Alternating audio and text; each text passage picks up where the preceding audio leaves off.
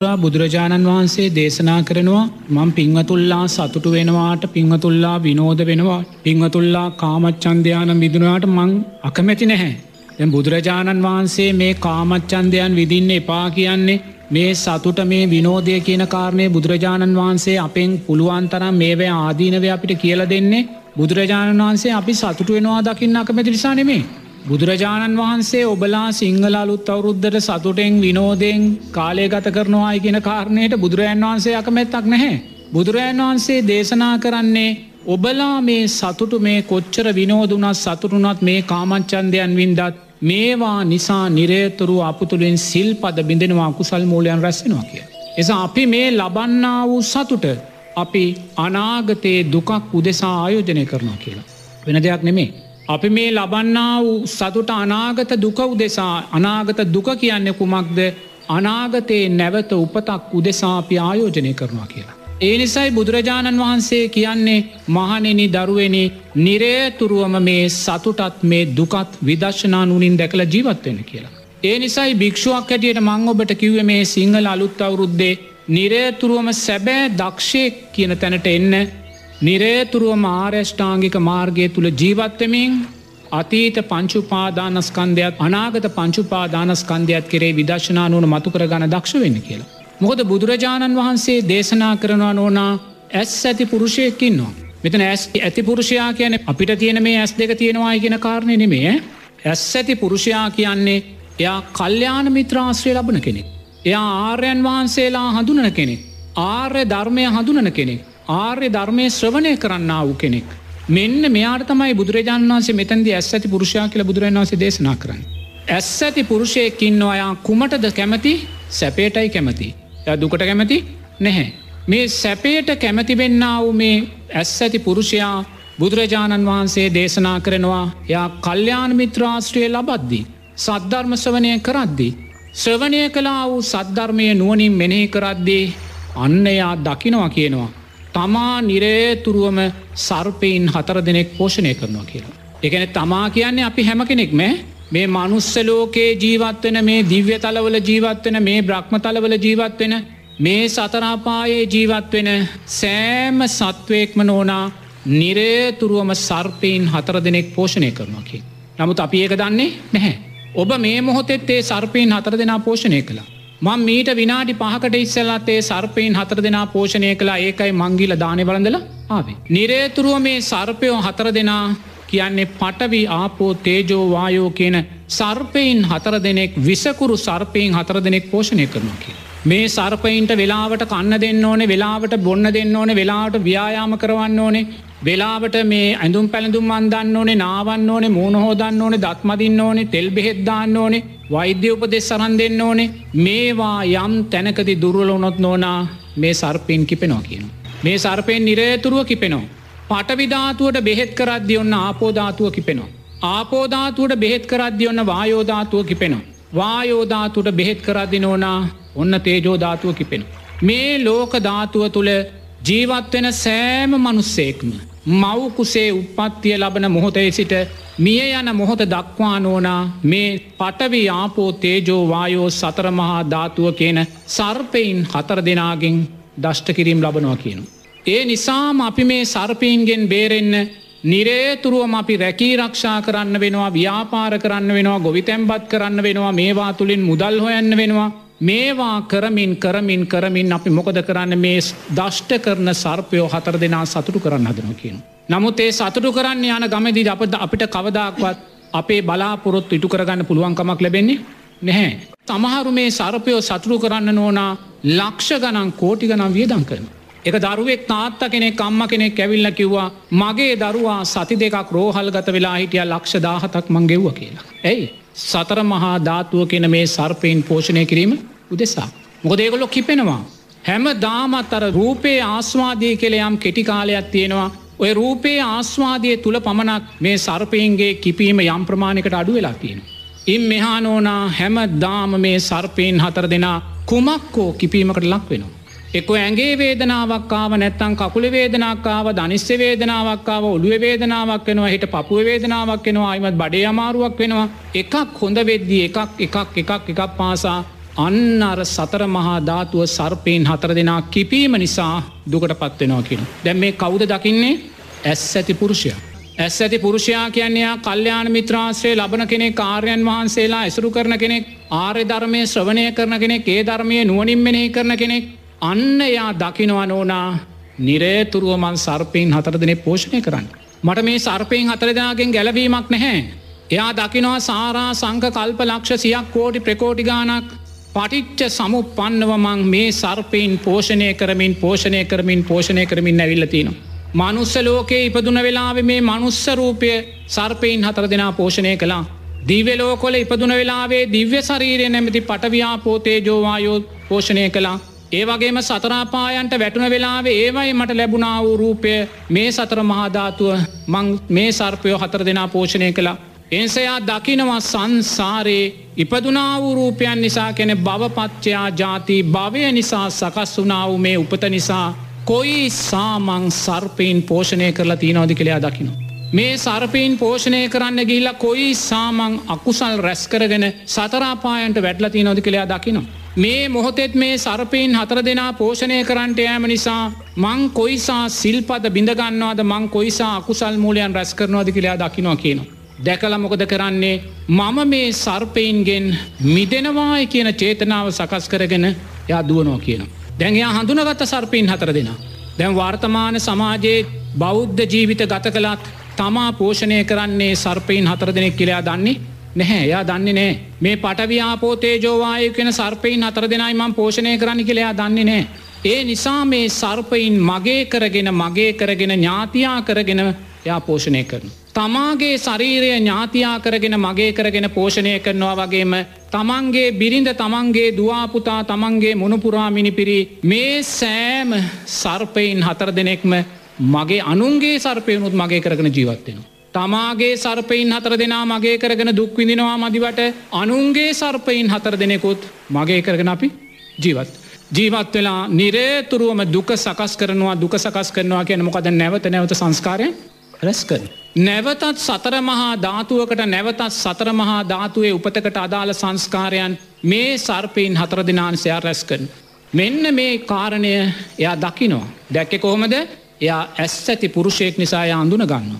එය අඳුනගන බුදුරජාණන් වහන්සේ දේශනා කරනවා මං මේ සර්පයෙන් හතර දෙනාගේ මිදෙන් ඕනේ කියලා එයා දුවනවා කියන. එයා දුවනවා කියන්නේ මොකක්ද එයා තව තව කල්්‍යයාන් මිත්‍රාශ්‍රය ලබනවා. තව තව සද්ධර්ම ශ්‍රවනය කරනවා. එයා තව තව ශ්‍රවනය කලා වූ සද්ධර්මය නුවනි මෙනෙහි කරනු. අන්න එහෙම මෙනෙහි කරද්දී එයා දැන් දකිනවා දැන් එයා කාවද දැක්කෙ මුලින්ම සර්පයින් අතර දෙනා. මුලින් එයා එච්චරයි දැක්කේ. දැන් එයා තව කල්්‍යයාන මිත්‍ර ආශ්‍රය ලබල සද්ධර්ම ශ්‍රවනය කරලා නුවනින් මෙනෙහි කරද්දී එයා දකිනවා දෙයනේ සර්පයෝ හතර දෙනෙක් විතරක් නෙමේ. මගේ පිටිපස්සේ මාර දූතයින් පස් දෙනෙක් කෙලෝනවා කියලා. ඉදනෙද පහයි දැ මුලින් කීදනෙ දෙලෝගෙනෙන්නේ දැන් හතරයි. එයා ඒ හතර අඳුන ගත්තා. ඒ හතර අඳුනගෙන එයා තව තව ධර්මය නුවනින් මෙනෙහි කරද්දී මෙන්න මෙයා දකිනවා නෝනා තව හය දෙනෙක් මගේ පස් එලෝනවා පස් දෙනෙක් කෙලෝනවා කියලා. ඒ පස් දෙනා බුදුරජාණන් වහන්සේ කෙනවා මාර දූතයින් පස් දෙනෙක් කිය. කෞද මේ පස් දෙනා රූප වේදනා සංඥා සංකාර විඤ්ඥාන කෙන පස් දෙෙන. මොකද මේ මාර දූතයින් පස් දෙනා නිරේතුරුව නෝනා අපව දුකටමයි දුකටමයි භවයටමයි භවයටමයි ඇදලදාන්නේ. නිරේතුරුව මේ රූපයට නැමැති මාරදූතයා මේ රූපය මගේ කරගෙන ඒ රූපය අපේ කරගෙන රූපය තුළ මම ඉන්නවා කියල දකිමින් ඒ රූපය තුළ මගේ ආත්මය තියෙනවා කියල දකිමින් ඒ ආත්මය තුළ මම බැසගෙන ඉන්නවායි කියල දකිමින් නිරේතුරු අපි රූපය නිසා සක්කායි දිට්ටිය ඇති කරගන්න. රූපය නිසා නිරේතුරු අකුසල් රැස් කරගන්නවා රූපය නිසා නිරේතුරු අපි සිල්පද බිඳගන්න. තමාගේ රූපය නිසා අකුසල් රැස් කරගන්නවා වගේම මේ ඇසට කනට නාසේට දිවට සරයට අරමුණුවන බාහිර රූපයනුත් මගේ කරගෙන ඒවාත් නිසාපිය අකුසල් රැස් කරගන්න. එනිසා බුදුරජන් වහන්සේ දේශනා කරනවා මහනිනි මේ රූපය කියන්නේ මාර දූතෙක් මයි. මාරයාගේ ග්‍රහණයට අපිව කොටු කරන මාරයාගේ ලෝකයට අපි කොටු කරන මාරයාගේ බන්ධනාගාරය අපිව බන්ධනාගාරගත කරන මේ රූපය මාර දූතයක කියලා බුදුරජාණන් වහන්සේ දේශනා කන. නමුත් අපිතා මේක හඳුනගෙන නැහැ. ඉළඟට බුදුරජන් වහන්සේ කියනවා මහනෙන මේ වේදනාව කියන මාරයෙක් මාර දූතයෙක් කියලා. මේ වේදනාව කියන්නේ මොකක්ද මේ අධ්‍යාත්මික රූපයයි බාහි රූපයයි විඤ්ඥානයයි තුන එකතු වෙච්ච තැන සකස් වෙන පස්සේ තුෂ්නාවෙන් තෙත් කරපු තැන අන්න වේදනාව අපි සකස් කරගන්න. ඉගැන එක්කො ඇලීම් එක්කො ගැටීම් එක්කො පේක්ෂාව. මේ කාරණා තුනම නෝනා අනිවාර්යයෙන්ම නැවත අපිට භවය උපතකට අරංගෙන. එකන නැවත නැවත නැවත නැවත සකස් වෙන සෑම විඳීමක් පාසාම අපි නැවත භවය සකස් කර ගැනීමේ ක්‍රියාන්විතය අපි නියලිලා ඉන්න. නමුත් අපි ඒක දන්නේ නිසා බුදුරන් වහන්සේ කියනව මානින් මේ රූපය මාරදූතයෙක් ඒවගේම මේ රූපය නිසා සකස් වෙන්න වූ වේදනාව මාරදූතේ වේදනාව නිසා සකස් වෙන්න වූ මේ සංඥාව හඳුනා ගැනීම කියන මාරදූතෙක් කියල. සංඥාව කියනමකද අපි හඳුනගන්න. උදේ ඉඳන් රාත්‍රී වෙනකං නෝනා අපි හඳුනා ගැනීම් කොච්චරනම් සිද්ධ කරගන්න. බුදුරජන් වහන්සේත් මේ හඳුනා ගැනීම මාර දූතයක් කියලා හඳුනද්දී අපි උත්සාහ කරන්නේ සෑම නිමේශයකදිම සෑම තප්පරේදිම තව දෙයක් හඳුන ගන්නමයි. තව යාළුවෙක් තව හිතවතෙක් තව ඥාතියෙක් තව දරුවෙක් තවමුණුබුරෙක් මේ හඳුනා ගැනීම් කියන්න මොකක්ද සංඥාව කෙන කාර. කෙනෙගේ දුරකතනයක් කරම් බලන්න ඒ දුරකතනයේ පින්වතුනේ ගබඩා කරගත්ත කොච්චර අනුන්ගේ දුරකතනංගති නොද කියලා මොනාද මේ හඳුනා ගැනීම. අලුතෙන් හඳුනා ගැනීමක් වෙච්ච ගමන් අංක ගන්නවා ගබඩා කරගන්න. නමුත් අපි උත්සාහගන්න මොකටද මේ ජීවිතේ සෝවාන් පලට පත්වේ. නමුත්තාම සංඥාව හඳුනා ගැනීම අනිත්තය කියලපි දකින්නේ නැහැ. සංසාරයේ සාරා සංක කල්ප ලක්ෂ සියක් කෝටි ප්‍රකෝටි ගානක් ඇත ඉඳං මේ ආවා වූ දීර්ග බවගමනිදි නෝනා හඳුනා ගැනීම් කී කෝටියක් ඇති කරගන්න ඇද. සක්විති රජවෙච්ච වෙලාවෙ කොච්චර දේවල් අපි හඳුනගත්තද. සක්‍රයා වෙච්ච වෙලාවෙ කොච්චර දේවල් අපි හඳුනගත්තද. තිරිසන් ලෝකවලට ප්‍රේත ලෝකවලට වැටුන වෙලාවේ ඒ සෑම හඳුනා ගැනීමක්ම වෙනස් වුනානුවන. ඒ සෑම හඳුනා ගැනීමක්ම මොකක්ද සිද්ධ කළේ අපි තුළ නැවත නැවත නැවත නැවත භවය සකස් කිරීමේ උපකාරක ධර්මයන් සකස් කරදු. එසා බුදුරජන් වහන්සේ කියනවා මේ හඳුනා ගැනීම මාර දූතෙක් කියල. ඉට පස්සේ සංඥාව නිසා සකස් වෙන්න වූ සංස්කාර. මේ මොහොතේත් පිංහතුනේ අපි මොන පින කළත් පින කරන්නේ මගේ කරගෙනමයි. අපේ කරගෙනමත්. මේ පින තුළ මම ඉන්නවා මා තුළ පින තියෙනවා මගේ ආත්මය මේ පින තුළ තියෙනවා කියලා පින මගේ කරගෙනයි සිද්ධ කරන්නේ. ඒ සංස්කාරයක් මේ සංස්කාරය අනිත්‍යය කළ දකින්නේ නැහැ. පින නිසාම අපි ලෝබදේශ මෝහය නැති කරගන්න. අපි කරන්න වූ පින්කම මගේ කරගන්න. අපි දෙන්න වූ දානය මගේ කරගන්න. අපි දෙන්න වූ පිරිකර මගේ කරගන්න. පූජා කලා වූ කුටිය මගේ කරගන්න. පූජා කලා වූ වෙනයම් බාණ්ඩයම් මගේ කරගන්න. ඒ සෑම තැනකදිම නෝනා සංස්කාරයන් තුළ බැසගනපින්න. සංස්කාරයන්ගේ අනිත්‍ය භාවය දකින්නේ නැහැ.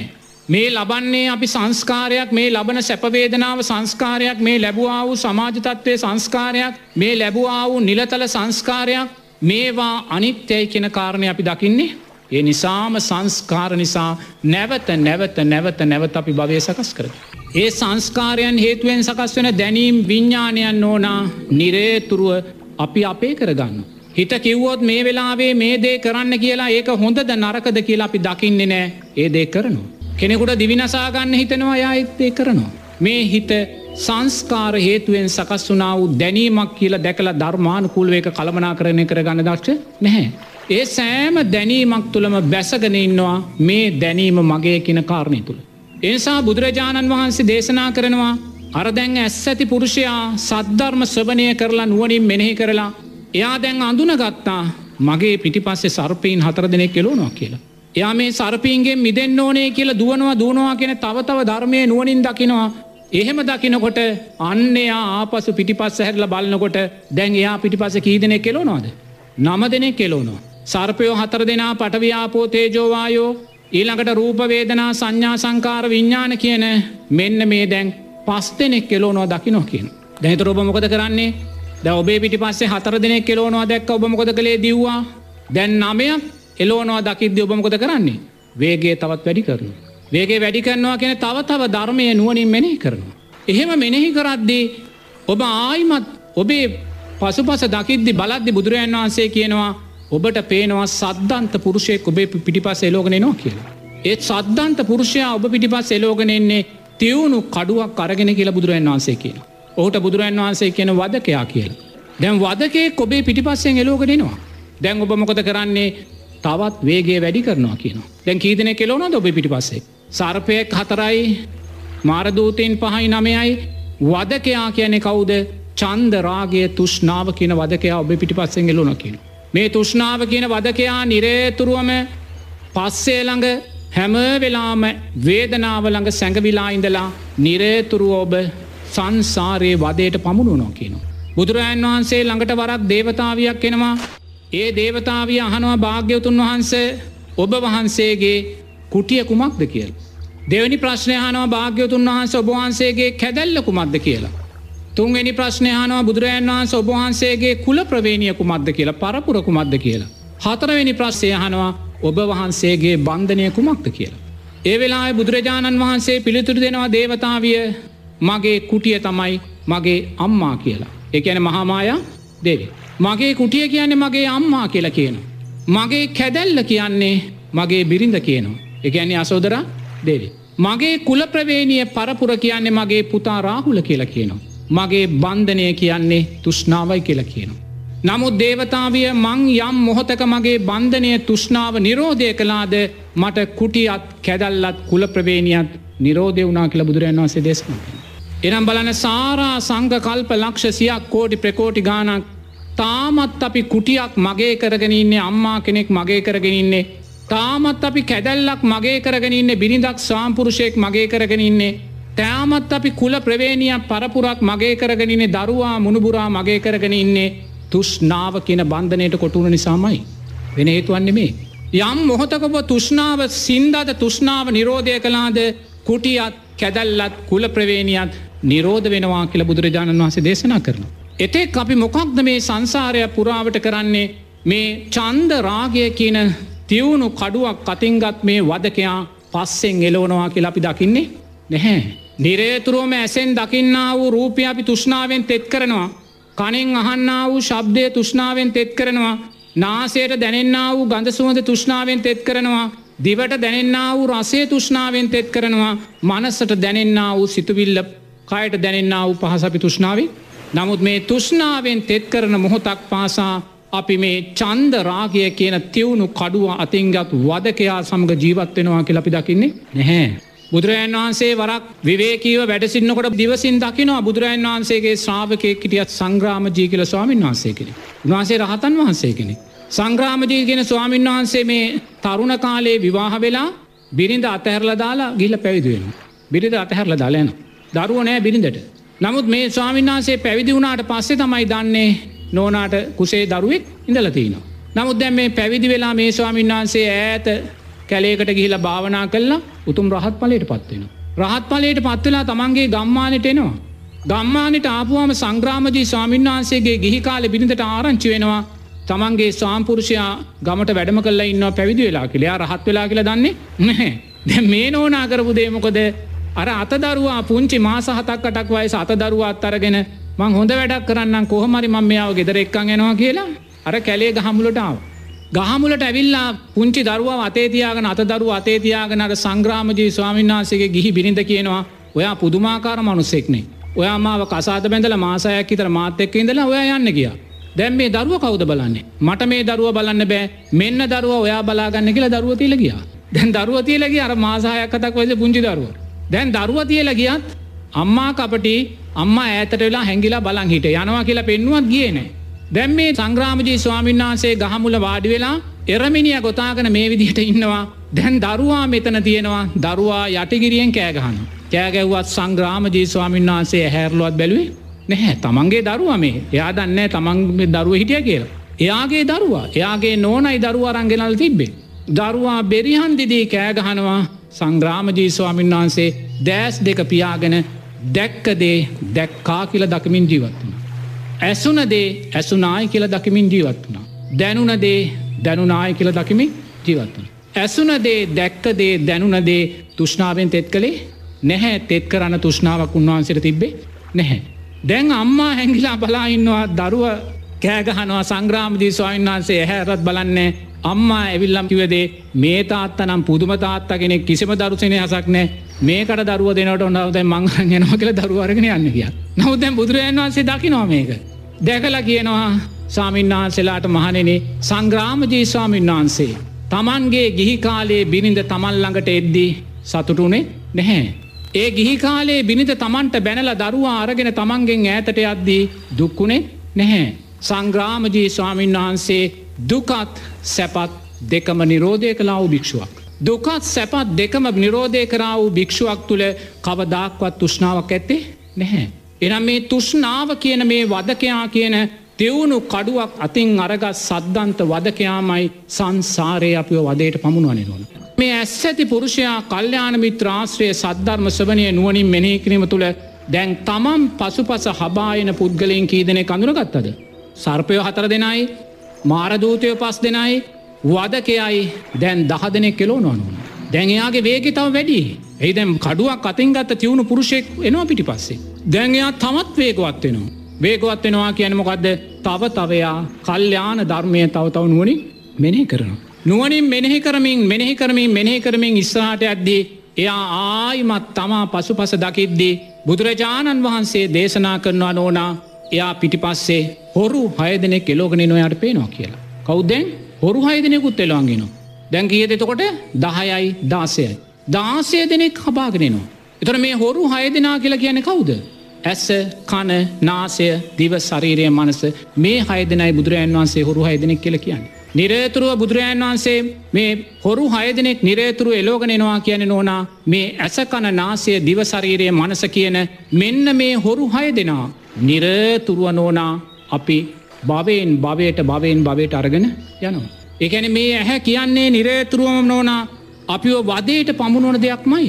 මේ ඇසෙන් දකින සෑම රූපයක් පාසා නැවත ඇසක් උපද්දවා ගැනීමට අදාළ සංස්කාර අපිට රැස් කළ දෙෙන. මේ කනෙන් අහන ශබ්දයක් පාසා නිරේතුරුව මේ කන නැවත කනක් උපද්දවා ගැනීමට අදාළ සංස්කාරයෙන් අපිට සකස්සල දෙෙන. මේ නාසය මේ දිව මේ ශරීරය මේ මනස මගේය කියලා මට පෙන්නුවත් මගේය කියලා මං හිතුවත් මේ මගේ ආත්මය මේ ආත්මය තුළ මං ඉන්නවායි කියලා හිතුවත් මේ තරං හොරෙක් මේ ලෝකෙ නෑ පිංහතුන. ඔබ කොච්චර ඔය ඇස් දෙක මගේ කරලා හිටියත් ඔය ඇස් දෙක ඔබව නැවත සංසාරයේ කවදහරි සතරපායකට දානවා මේ ජීවිතය සෝවාන් පලට පත් වුණොත්. එනම් බුදුරජන් වසකින මේ ඇස හොරෙක්. ඔබට වංචාවක් කරන්න ඔබට බොරුවක් කරන්න ඔබ මේ ඇස කියන සොරාට රැවටෙන් එපා කියලා. ඔබ මේ කනෙන් ශබ්දයක් කාලේ ශබ්දයට ඇලිලා ඒ ශබ්දයට ගැටිලා ඔබ මේ කනෙන් කාගෙන් හරි කේලමක් කාලා බොරුවක් කාලා ඒ බොරුවට කේලමට ඇලිලා ගැටිලා මේ කන නිසාම ඔබ නැවත වදයට පත්වෙන. මේ මනසින් ඔබ සිතුවිලි හිතලා ලෝබ දේශ මෝහ සිතුවිලි හිතලා කාමරාග පටික සිතුවිලි හිතලා ඒ සිතුවිලි මගේ කරගෙන ඒ සිතුවිලි මගේ ආත්මය කරගෙන ඒ සිතුවිලි මගේ කල්්‍යාන මිත්‍රයා කියලා හිතගෙන මේ සිත නැමති බොරු හොරා නිසා නෝනා ඔබ නැවත සංසාරිට වැටෙන. එනිසා මේ බවගමනේ ගමන් කරන සෑම සත්වයක්ගේ ඇසකන නාසේ දිවශරීරය මනස නිසා නෝනා එයා නිරේතුරුවම භවයෙන් භවයට දුකෙන් දුකට දුගෙන් පත්වෙනවා මොකද සොරෙක් සමගයි ආශ්‍රය කරන්න. මේ සොරා කල්්‍යාන මිත්‍රයෙක් වෙලා තමාළඟ ඉන්නවා. මේ සොරා සක්තුරුෂයෙක් වෙලා තමා තුළ ඉන්නවා. මේ සොරා තමාගේ හොඳම යාළුවා හැටියට තමා තුළ ඉන්නවා. ඒ නිසාම මේ සොරාව ඔබ ආරක්ෂා කරනවා. මේ සොරාව නිරේතුරුවම ඔබ චෝදනවා මූුණ සෝදනවා මේ සොරා මගේ කරගෙන ඇඳුම් අන්දනවා මේ සොරාට කෑමබීමදීල මේක පෝෂණය කරනවා දුරජාණන් වහන්සේ කිනෝ මේක සොරෙක් කියලා. මේකා මේ සාරා සංක කල්ප ලක්ෂ සියක් කෝටි ප්‍රකෝටි ගානක් විඤ්ඥානපච්චයා නාමරූපන් නාමරූපපච්චයා සලායතනං කියන ධර්මතාවය තුළ ආයතන හය ඉපදුනාද? ඒ ඉපදුනේ දුකක් කියලයි කියන්නේ. මොකද සොරු හයදනෙක් ඔබ උපද්දවා ගත්ත කියලා බුදුරන් වන්සේ කියනවා. එන දැන් ඔබ පිටි පස්ස දැන් කී දෙනෙක් කෙනවාද සතර මහා ධාතුව නැතිල් සර්පයෝ හතර දෙනෙක් කෙලෝනවා මාර දූතයින් පස් දෙනෙක් කෙලෝනවා නමයයි චන්ද රාගය කියන අර චන්ඩ පුරුෂයා ඔබ පිටි පස්සෙනවා දහයයි. දැන් හොරු හය දෙනා එලෝනවා කියනවා. දැ මේ ආයතන හයත් අනිත්‍යයි මේ ආයතන හයත් නිරේතුරුව දුක සකස් කරනවා කියලයා දකිනෝද. යද මුලින් දැක්ක සතරමහා ධාතුව පටව්‍යාපෝ තේජෝ සත්‍රමහාධාතුව මේ සර්පයෙන් හතර දෙනා දුකක් මං මේකෙන් ගැලවෙන්න ඕනි කියලා හිතනවා. ඊට පස්සයා රූපවේදනා සංඥා සංකාර විඤ්ඥාණයන් මේක දුකක් මේක අනිත්‍යයි මේක මාවස් භවයට අරගෙන යනවා කියල දකිනවා. ඊළඟට අර වදකයා චන්ද රාගය නිරේතුරුවමාව භවේ සිරකරුවෙක් කරනවා දුකට පත් කරනවා වදකයා වදයට පත්වෙනවා දැකලා අන්න දැන් සොරු හය දෙනා දකිනවා මේ ඇස කියන්නේ සොරෙක් මෙයා නිරේතුරුවම මගෙන් මට නිවන මට ධර්මය මට සුගතිය සොරකම් කරනවා ඉකින කාරණය දකිනු. දැකලයා තමත් වේගේ වැඩි කරනු. වේගේ වැඩි කරද්දි නෝනා දැන්යා වේගෙන් දුවනවය කියන්නේයා තව තව ධර්මය නුවනි මෙනෙහි කරනවා. දැන් මෙහෙම දුවනින් මෙනෙහි කරද්‍යයා හිස් ගම්මානකට එනවා කියනවා. හිස් ගමකට. ඒ හිස් ගම ඇතුළේ ඇවිදිනවා කවුරුත් නෑ ගමයාට කවුරුත් පේන්න නැහැ. ඒ හිස් ගමට ඇවිදුනට පස්සේ ඒ හිස් ගමේ ගෙවල් හයක් තියෙනවා කියනවා. ඒ ගෙවල් හයම දොරවල් ඇරල දාලා තියන්නේ ජැනෙල් ඇරල දාලා තියෙන්නේ කිසිම වටිනා බඩුවක් පේන්න නැහැ. එයා බලනවා දැ මොකද හුගක් වෙලා රැඳිල බලන්න බෑ මොකද එලෝනවා මෙතනින් දාසය දෙනෙක්නේ දාසයක් එලෝනවා එලෝන වෙලාවේ යා මේ බලන්නේ. එනිසා කඩමුටිය බලනවා බලන්නකොට එයා දකිනවා හිස් ගම්මානයක් තියෙනවා. ඒ ගම්මානේ පාලුවට ගිය ගෙවල් හයක් තියෙනවා කියලා. එයා දකිනවා මේ හිස් ගම්මානේ පාලුවට ගෙවල් හයක් තියෙනවා කියන්නේ මෙතන මහා සතුරු බලවේගයක් ඉන්නවා. මහා සතුරු බලවේගයක් මෙතන තියනවා මහා සොරමුලක් මෙතන තියෙනවා මෙතන මහා මාර දූතයෙන් පිරිසක් ඉන්නවා මෙතන සර්පයෝ පිරිසක් ඉන්නවා. එයා මේක දකිනවා නෝනා? දැකලා එයා මොකක්ද මේ හිස් ගෙවල් හය කියන්න නෝනා? මේ බාහිර රූපය. එකන බාහිර ඇස කණනාසය දිවශරීරය මනස කියන්න අවකාරණ. එයා දකිනවා නිරේතුරුම් අපි මේ බාහිර රූපයන් මගේ කරගෙන අපි භවය සකස් කරගන්න. ඔබ අම්මා කියන රූපය බාහිර රූපය මගේ කරගත්තා ඒ අම්මා කියන බාහිර රූපය නිසා ඔබ සංසාරයේ තම අම්මලා කී දෙනෙක් ඇතිකරගන්න සංස්කාරයනු බරස් කරගන්න නැද්ද. ඔබ තාත්තා කියන බාහිර රූපය මගේ කරගත්ත ඇසෙන් දැකලා ඔබ දුවපුතා සාම්පුරුෂයා බිරිඳ ආච්චි සීයා රට ජාතිය ආගම මගේ නිවස මගේ ඉඩම මගේ වාහනය මේ බාහිර රූපයන් නැසෙන් දැකලා මගේ කරගත්තා නමුත් මේ මගේ කරගැනීම නිසා කොයි සා සංස්කාරයන අපි රැස් කරනවා. ඔබේ යම් දවසක බිනිදක් මගේ කරගත්තනන්ගේ බිනිඳ නිසා ජීවිත කාලය තුළ කොච්චර සිල්පද බිඳගන්නවද කොච්චර අකුසල් මූලයන් වඩනවද. නමුත් බිරිඳ කියන්නේ හිස් කෙදරක් පමණක් මයි. ඉට වඩා දෙයක් නැහැ. ඔබ දරුවා මගේ කරගෙන මුණපුරා මගේ කරගෙන අම්මතාත්ත මගේ කරගෙන කොයිසා සංස්කාරයන් රැස් කරනවාද කොයිසා සිල්පද බිඳෙනවාද අකුසල් මූලයන් වැඩෙනවාද. නමුත් මේ දරුවා කියන්නේ මුණපුරා කියන්නේ අම්මතාත්තා කියන්නේ ඥාතියා කියන්නේ හිස් ගෙදරක් මයි ගතයුතු දෙයක් නැහැ. මන් දෑස් දෙක පියාගත්තාම මගේ ආච්චි මට මතක් වෙනවා ඒ ආච්චි මට අයිති නැහැ. මට මතක ආච්චි මගේ ඔඩොක්වේ රෝහලට අරංයනකොට මගේ ඔඩොක්වේ හුස්මගේ. ඒ ආච්චි මට අයිති නැහැ. මගේ සීයා හිටියා ඒ සීයා මට අයිති නැහැ. බාප්පල මහප්පල ලොකු අම්මලා පුංචි අම්මලා ඔය කවුරුත් දැන් ජීවතුන් අතර එහෙනම් මම අම්මා කියලා පෝෂණය කල්ලා තියනෙ තාත්නා කියලා පෝෂණය කල්ලා තියෙන්නේ ආච්චි සීයා කියලා ලොකු අම්මා බාප්පා මහප්පා කියලා පෝෂණය කල්ලා තියන්නේ හිස් ගෙදරක් මයි. පාලු ගමකතියන හිස් ගෙදරක් මයි ඊට වඩා දෙයක් එතන තිබ්බේ නැහැ. ඒසා බුදුරජාණන් වහන්සේ දේශනා කරනවා නිරේතුරුවම් අපි අපිට අයිති නැති හිස් ගෙවල් හයක් අපේ කරගන්න. හිස් ගෙවල් හයක් අපේ කරගන්න. ඒ නිසාම අපි අප්‍රමාණූ බැඳීම් අප්‍රමාණූ කුසල්ල කුසල් රැස් කරමින් භවය තවතව ශක්තිමත් කරගෙනවා කියලා. එනිසා දැම් මෙයා හරි ශක්තිමත් මෙයා දැන් මොකක්ද හඳුන ගත්තේ සර්පයෝ හතර දෙනේ පිටිපස්සෙන් එලෝනවා කිපෙන බොහොම දෂ්ට කරනක් බොහොම නපුරු මාස ගනන් රෝහල්වල තියෙන මාස ගණන් දුකට පත් කරන අවුරුදු ගනන් අංසභාග හැදිල තියෙන මේ සර්පයෙන් හතර දෙෙන අඳුන ගත්තා ඊළඟට එයා රූපවේදනා සංඥා සංකාර විඤ්ඥාන කෙන මේ මාරදූතයෙන් පහක් හඳුනගත්තා චන්ද රාගය කියන වදකයා හඳුනගත්ත දැන් දහ දෙනයි. ඊට පස්සර සොරුහය දෙෙන අඳුනගන්නවා සොරුහය දෙෙන අඳුරගත්තර පස්සේ බාහිර රූපය වන අර පාලු නගරයත් පාලු ගෙවල් හැත්තය අඳුනගත්තා. ඒවා අඳුනගත්තර පස්සේ මෙයා දැන් පාලු නගරේ පාලු ගෙවල්ටිකයි දැක්කට පස්සේ මෙයාගේ බිය තවත් වැඩි වෙනවා. මේ සියල්ලම අනිත්‍ය උදේවල් මේ ඇස අනිත්‍ය දෙයක් මේ කන අනිත්‍ය දෙයක් මේ නාසේ මේ දිව මේ ශරීරය මේ මනස මට අයිති දෙයක් නෙමේ කෙළයා දකිනවා. එනිසා මේවාට අරමුණ වෙන බාහිර රූපයනුත් අයිති නැති සොරු රැලක්ම කෙළයා දකිනවා. මට අයිතියක් නෑ මං අනුන්ගේ දෙයක් සොරකම් කිරීමක් කරන්නේ. එයාටවත් අයිති නැතිදේ මන් සොරකං කරනවා කියලයා දකිනවා. දැකල නෝනා එයා තවත් වේගෙන් දූ නො කියන. එයාට මෙහෙම වේගෙන් දුවනකොට ගං ඉවුරක් හම්බුවෙනවා කියන. මා විශාල සාගරයක් ගං ඉවුරටයා යනවා කියනවා. ගං ඉවුරට ගිහිල්ලයා දකිනවා දැන් පිටිපස්සෙන් දැන් දාසේ දෙනෙ කෙලෝනොයා දකිනෝ මෙතන ගොඩක් වෙලා ඉන්න බෑ මේ ගඟෙන් මෙහා මම හිටියොත් මම අනතුරට පත්වෙනවා නැවතමං සතරාපා දුකයට භවයට වැටෙනවා කියලා දකිනවා. එනිසා මේ ගඟේ මෙතර බියජනකයි විසකුරුයි නරකයි එනිසාමං කොහොම හරි මේ ගඟෙන් එතරවෙන්න ඕනෙ කෙළයා හිතනවා. හිතලමකොද කරන්නේ එයා වටේ පිටේ තියන කොට කෑලි අටක් හොයා ගන්නවා කියනවා. වටේ පිටේ තින කොටන් කෑලි තිනවනේ දරකොටන් කෑලි මේ දරකොටන් කෑලි අටක් හොයා ගන්නවා. දරකොටන් කෑලි අටක් හොයාගෙන එයා ශක්තිමත් වරපොටක් කඩා ගන්නවා කියනු.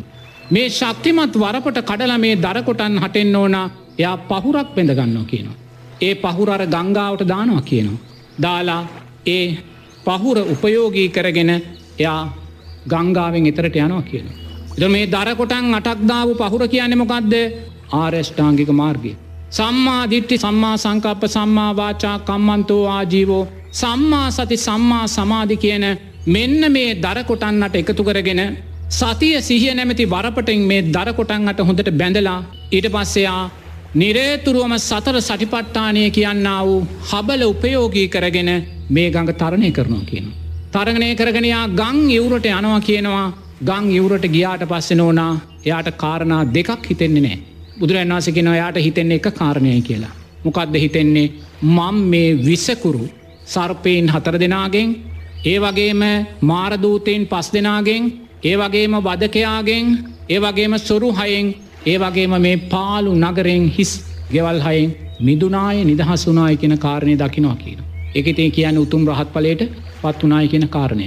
එන ඔබ ප්‍රශ්නයක් යොමු කළේ මේ සිංහල අවුරුද්දක් සමරණ මොහොතේ මේ සුන්දර ප්‍රීතිය සතුට විනෝදයෙන් ගත කරන මොහොතේ ස්වාමීන් වහන්ස පංච උපාදානස්කන්දය අනිත්‍යවැනි භාවනාවක් කීමෙන් ඒ අයගේ සතුට බාධාවක් නේද කියන කාරණය ඊට අදාළව මං පිළිතුර දුන්නේ සතුටු වෙන්න විනෝද වෙන්න ප්‍රීතිවෙන්න ජීවිතයක් නෙමේ මේක.